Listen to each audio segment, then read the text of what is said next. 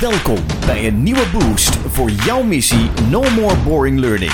Dit is de Brain Bakery Podcast. Welkom bij een hele nieuwe aflevering van onze best beluisterde L&D-podcast in Nederland en Vlaanderen. En ik ben hier met Sjane. Ja, Jan-Peter. Welkom bij een nieuwe aflevering van No More Boring Learning. Wat lekker dat je weer aanhaakt en meedoet in de strijd tegen het saaie leren. En ja, Sjane, wij uh, ontwerpen en geven veel leiderschapstrajecten. Ja. En daar horen wij veel dingen terug. En dat is dat veel deelnemers, dus veel leidinggevenden, die houden van hun vak, die vinden het leuk. Ja. En veel, niet allemaal, worstelen ook wel met iets. Ja. En in deze podcast gaan we het daar eens over hebben. Waar zij mee worstelen is als het medewerkers het gewoon niet goed doen, slechte discipline hebben en dan moeten ze ze gaan zitten aanspreken. Aanspreken. Politieagentje spelen. Doe het nou toch op deze manier. Waarom ben je te laat? Ja. Eh, dat soort dingen. En daar zie je ze de, de Ja. meest gruwelijke fouten mee maken. Ja. Want soms gaan ze het vermijden, gaan ze gewoon maar niks zeggen. En dan ineens, na drie weken, ineens gaan ze het wel zeggen. En dan zegt die medewerker ook, what the fuck nou, Ja. had je dat niet eerder kunnen doen? Komt het er vaak ook niet zo heel lekker meer uit? Nee. Of ze gaan helemaal überhaupt niks zeggen, waardoor eigenlijk alle discipline bij iedereen naar beneden gaat. Omdat iedereen denkt, nou ja, laat maar. Ze doen het vaak ook een beetje vaag. Ja, Ja, te subtiel, te Ja. diplomatiek. een geintje. Ja. En dan hopen. Ja. ja, en dat komt natuurlijk voort uit dat ze het vaak heel spannend vinden. Ja, Dat hoor ik ook vaak. Ja. Ja, wat, hoe doe ik dat nou? Want ik wil wel dat we een goede verstandhouding ja, hebben. Maar ik wil ook dat iemand in mijn team ja. of iemand op mijn afdeling zich ja, gedraagt. Om Ja. het een beetje vaderlijk te zeggen. Precies, ja. Ja, en, en vaak hebben leidinggevenden ook nog kinderen thuis. En die moeten ze de hele dag al politificeren. Ruim je kamer op, doe Ja. dit. Spreek met twee woorden. Nee, niet met je vork eh, door de kamer gooien. En dan kom je op je werk. En dan heb je daar allemaal die medewerkers waarvan je denkt... nou, ik betaal je toch Ja. eh, best wel veel geld. Doe eens even gewoon. En die komen dan te laat. En daar moet je dan wat mee. Ja, ja dus het is eh, in veel leiderschapstrajecten een, nou, een, een worsteling voor, Ja. eh, voor leidinggevenden. Niet voor iedereen. Sommigen kunnen dit heel goed en hebben er helemaal geen moeite mee. Maar we zien het veel terugkomen. En het is ook vaak een onderdeel waarvan eh, leidinggevenden zeggen... als er nou één ding Ja, uit mijn, mijn vak, uit mijn functie is... dat ik weg zou mogen eh, Knip, knip, knippen. knip. Ja, precies, ja. Eh, ja, dan is het dat, dat politieagentje spelen. Dat aanspreken van mensen. Ik haat het, zeggen ze dan. Ja. Ja. En wat het erg is, als ik dan ga kijken naar hoeveel trainers en L&D'ers dat oplossen, dan zie ik vaak echt de meest slechte theorieën. Dan, dan krijg je van die theorieën van eh, gedrag en het gevoel wat het oproept. En dan gaan ze oefenen met dat gevoel. En is het, ik heb het gevoel dat jij heel stom bezig bent. Dat is niet mijn gevoel. Dus dan Nee. gaan ze ook nog een soort theorie erop passen die helemaal niet handig is. En die gaan ze dan uitleren aan de mensen. En die mensen gaan dan allemaal met gedrag, gevoel, eh, gevolg en eh, wat ik voor de toekomst wil, gaan ze aan de slag. Maar dat is eigenlijk niet de beste theorie. Er bestaat er gewoon één die super simpel, heel toegankelijk, die juist gebruik maakt van ik wil zo graag aardig gevonden worden, die daar eigenlijk op voortbouwt, die eigenlijk wil voorkomen dat je überhaupt hoeft aan te spreken. Ah, lekker. Ja. Ja. en die gaan we even uit de doeken doen. Ja, tuurlijk gaan we die uit de doeken doen. Ja. Ja, dus ben je eh, zelf L&D'er, trainer of ben je zelf leidinggevende en moet jij dus ook wel eens voor jouw gevoel politieagentje spelen.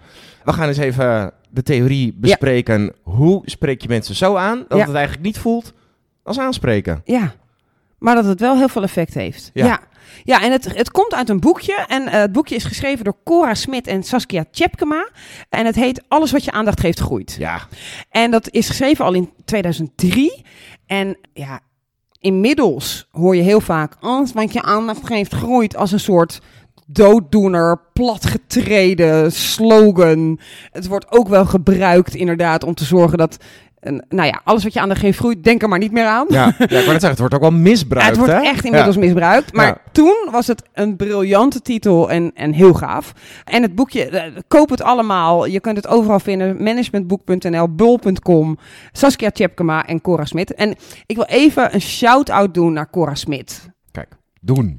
Cora Smit, lieve mensen, voor de mensen die dat niet weten, in de L&D-wereld zou iedereen haar naam moeten kennen. Net als die van Jozef Kessels, want samen hebben zij, zijn zij echt pioniers in Nederland in leren in organisaties. Hè. Toen iedereen nog zat van, nou, we zijn afgestudeerd, we hoeven nooit meer wat te leren, waren zij al met corporate education bezig.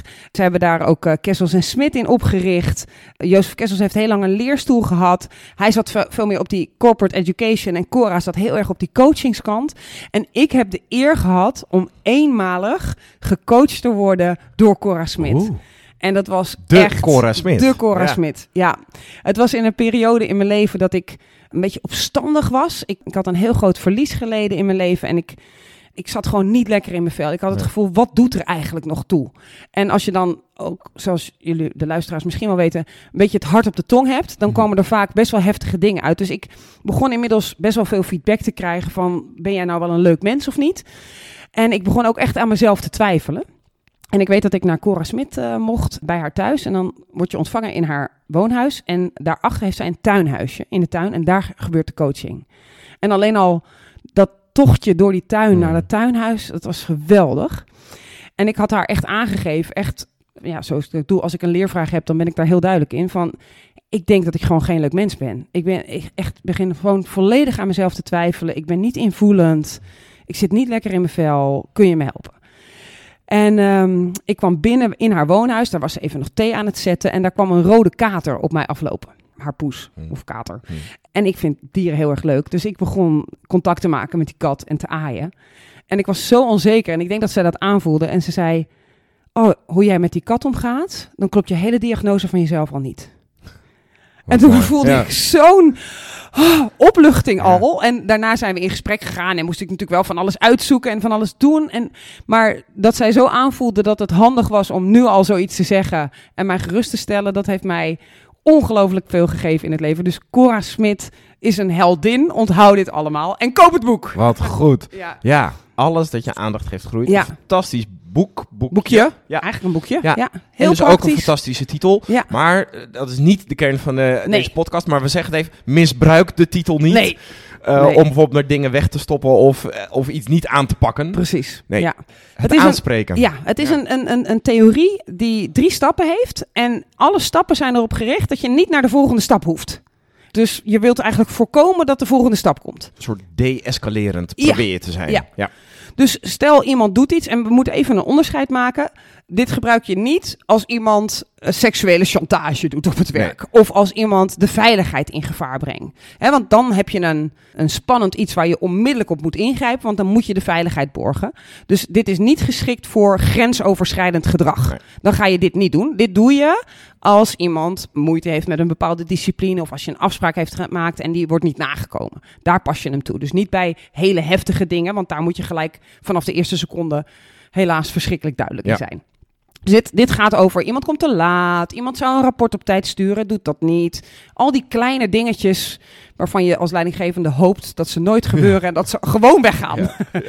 en de eerste stap die, eh, die zij zeggen, Saskia Tjepkema en eh Cora Smit, is neem nou eerst even eentje, dit is onze interpretatie ervan, hè, maar neem er eentje voor het team. Met andere woorden, neem even de schuld op je en bewaar de relatie. En wat ze daarmee zeggen is eigenlijk, ga er nou eens van uit dat jij waarschijnlijk niet duidelijk bent geweest. En zeg dat ook tegen je medewerker. Zeg even tegen je collega, hey, jij zou dat eh, rapport eh, om vier uur eh, aanleveren iedere vrijdag. Maar ik denk dat ik daar niet duidelijk over ben geweest, want je hebt het niet gedaan. Waarop meestal Ja. de reactie van die ander is, "Oeh, ik, Ja. lekker, ik word niet zwaar aangesproken. Ja. Ik ga inderdaad bevestigen, ja, nee, ja, is inderdaad niet gelukt. En het was inderdaad ook niet zo duidelijk. Dus eigenlijk bied je een escape. Ja. En de ander weet eigenlijk best wel een beetje dat je een escape biedt. Ja. En vervolgens doe jij ook nog een check van, is het nu wel duidelijk dat het echt om iedere vrijdag om vier uur gaat?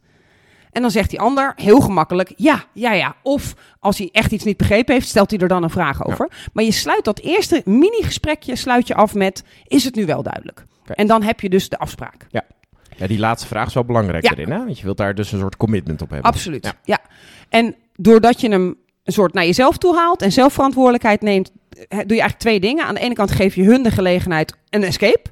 Maar aan de andere kant, misschien was jij ook wel niet duidelijk. Dus is het ook best wel fair om dit te doen. Ja. Ook al heb jij het gevoel dat je heel duidelijk was. Misschien was het niet zo. Ja. Dus die eerste stap is een hele liefdevolle en erop gericht dat het voortaan goed gaat. Niet dat je nog een stap moet nemen. Nee. Maar stel je nou voor, Helaas. helaas, soms gebeurt het, dat iemand het weer vergeet of weer niet doet of eh, dat er een tweede komt. Dan heb je dus die eerste al gedaan. Daarbij heb jij de blame op je genomen. Dan ga je nog een keer proberen om niet te hoeven consequenties geven. Niet streng te hoeven gaan zijn. En wat je gaat doen is dat je zegt: Hè, nou zie ik dat het weer niet gebeurd is. Ja, deze zie ik maar even door de vingers. Maar is wel de laatste. Hè, dus je, gaat, Ja. je doet eigenlijk een soort twee dingen. Je zegt: eh, Ik zie het. Ja. En ik zie hem door de vingers. Ik, Ja. ik laat deze even gaan. Je zal wel een verstandsverbijstering hebben gehad. Of hè, dit kan een keer gebeuren, maar, maar ik laat hem wel gaan. Maar de vorige keer heb ik er nog sorry voor gezegd. Hè? Mm. Maar is wel de allerlaatste. Dus Ja, die Dus dat laatste heel duidelijk. moet je heel duidelijk zeggen. Je gaat nog niet dreigen. Je gaat niet zeggen, want, want als je het nog een keer doet, dan. Want je wilt niet naar die volgende stap. Nee. Je wilt gewoon dat het hierbij blijft. Ja. En wat je hiermee doet, het effect dat je hiermee hebt, is dat die ander denkt: oké, dat is wel heel nobel. Want vorige keer heeft ze nog sorry gezegd. Toen heb ik bevestigd dat het duidelijk was. Ja. Nou heb ik het weer niet gedaan. Fijn dat ik hier nog mee wegkom. Ja. En de kans is dus in een heel groot aantal van je medewerkers, die gaan het niet nog een keer doen. Die denken echt, wauw, twee vrije doorgangen, thank you, klaar.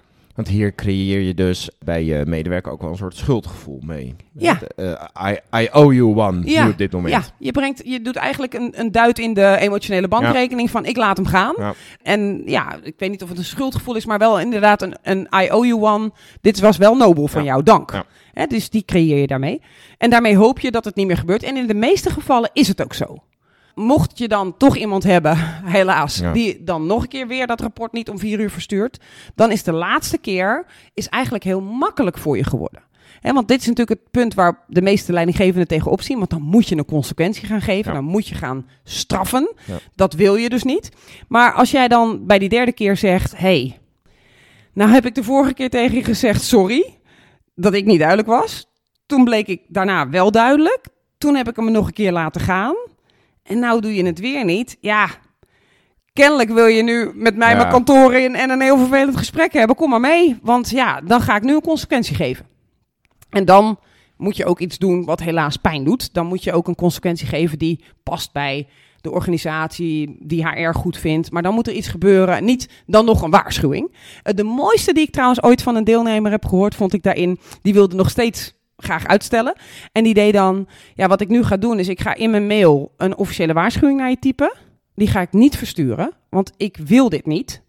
Eh, maar gebeurt het nu nog een keer, dan verstuur ik hem naar je. Ja. Eh, maar na een maand, als het in een maand nu goed gaat, dan haal ik hem ook weer weg. Dat vond ik wel een mooie, want je dreigt met een best wel... Ja, je dreigt met een best wel vervelend middel, Ja. maar ik haal hem ook weer weg. Nogmaals, dit gaat alleen voor disciplineachtige dingen en niet voor grensoverschrijdend veiligheidsdingen. Nee. Want daar moet je direct op ingrijpen, want je bent verantwoordelijk voor de veiligheid. Ja. Bij die, bij die derde stap zal het, als je het goed hebt gedaan, de, de medewerker natuurlijk ook niet meer verbaasd zijn. Nee, Die zal nog steeds het heel vervelend vinden, ja, maar die ziet het natuurlijk van mijlenver aankomen. Ja. Dus dat is voor jou als leidinggevende heel veel makkelijker. ja. En het lekker is ook, want dat heb ik echt regelmatig van deelnemers teruggehoord. Het lekker is ook, je voelt voor jezelf als, als leidinggevende ook. Ik heb er echt alles aan Ja. gedaan om het niet te hoeven doen. Dus, dus je staat ook echt in je recht. En je hebt niet dat gevoel van, oh, nu moet ik politie. Nee, hallo, ik heb echt twee pogingen gedaan om dit gesprek te voorkomen. Ja, en nu maak je het ernaar.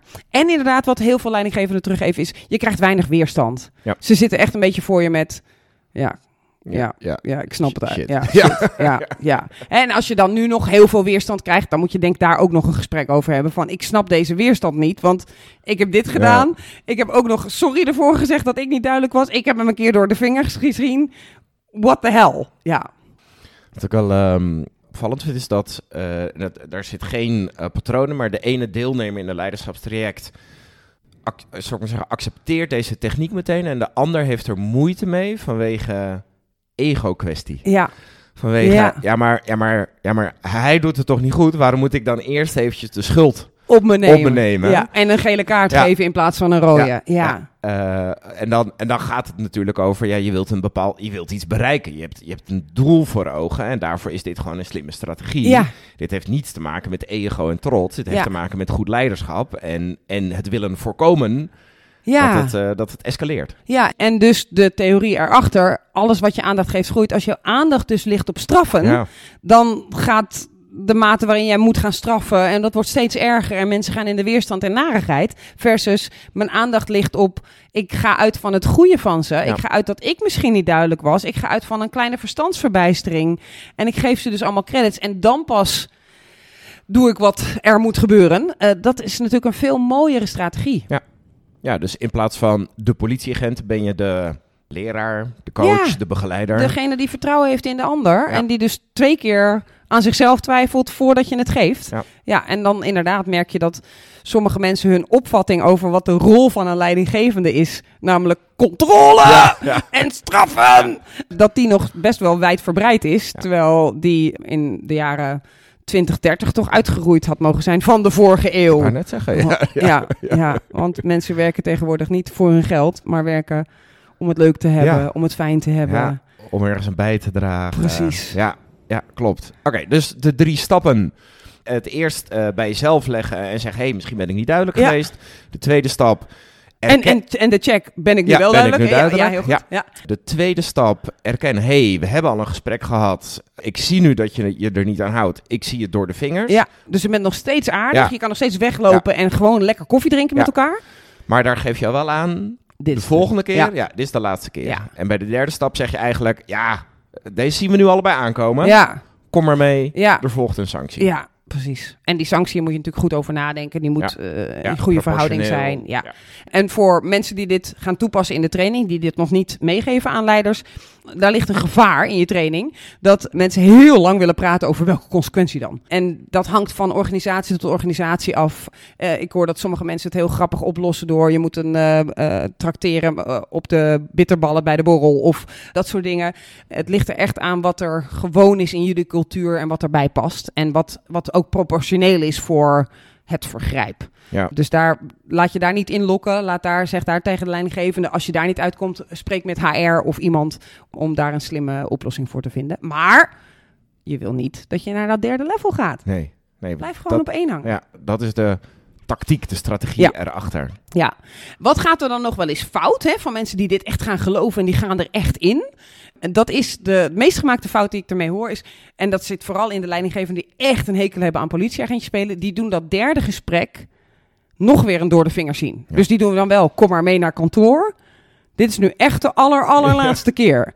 Maar als je dat een derde keer doet, de aller, allerlaatste keer, dan zeg je eigenlijk tegen je medewerker: Ja, ik ga echt geen consequenties Nee. geven. Dus dat is niet slim. Dus, dus die derde moet echt wel gevoeld worden. Ja. Want anders ben je ook niet meer geloofwaardig. En dan zeg je eigenlijk: Nou, doe maar wat je wil. Laat maar. Ik roep je misschien een keer in kantoor, maar verder gebeurt er niks. Nee, nee. En dan ben je dus eigenlijk geen aandacht aan het geven. Ja, dan ben je toch weer een soort aan het Ja. negeren. Precies. Dankzij Cora Smit. Ja, En Saskia Tjepkema, ja, ja. alles dat je aandacht geeft eh, groeit. Heerlijk boekje. En ik kan ook uit eigen ervaring zeggen, deze techniek, deze drie stappen zijn heerlijk om in een leiderschapstraining te gebruiken. Want deelnemers zijn er echt mee geholpen. En vanuit leidinggevende perspectief kan ik zeggen, het werkt ook echt Ja. Ja. heel, heel fijn. Ja, dus nou mensen, mocht je gebeld worden, kun je een training geven in aanspreken? Dan is je antwoord, oeh, aanspreken. Als we daarop gaan trainen, alles wat je aandacht geeft, groeit. Ja. Dat zou je niet moeten doen. Je zou ook aandacht moeten geven in het vertrouwen in je mensen. En daar heb ik een methode voor. Lekker hoor. Ja. En ga de uitspraak, alles dat je aandacht heeft groeit, ik zeg hem gewoon nog maar een keer, niet misbruiken door dingen te negeren, waar je natuurlijk wel wat mee moet. Ja. Want Het gaat hier om het vertrouwen in de mens, de goedheid van de mens. Ja. Lieve mensen, dank voor het luisteren. Namens Shana, heel graag tot de volgende aflevering. Doeg! No more boring learning. Dit was de Brain Bakery podcast. Wil je meer weten? Kijk dan op brainbakery.com of volg ons op onze socials.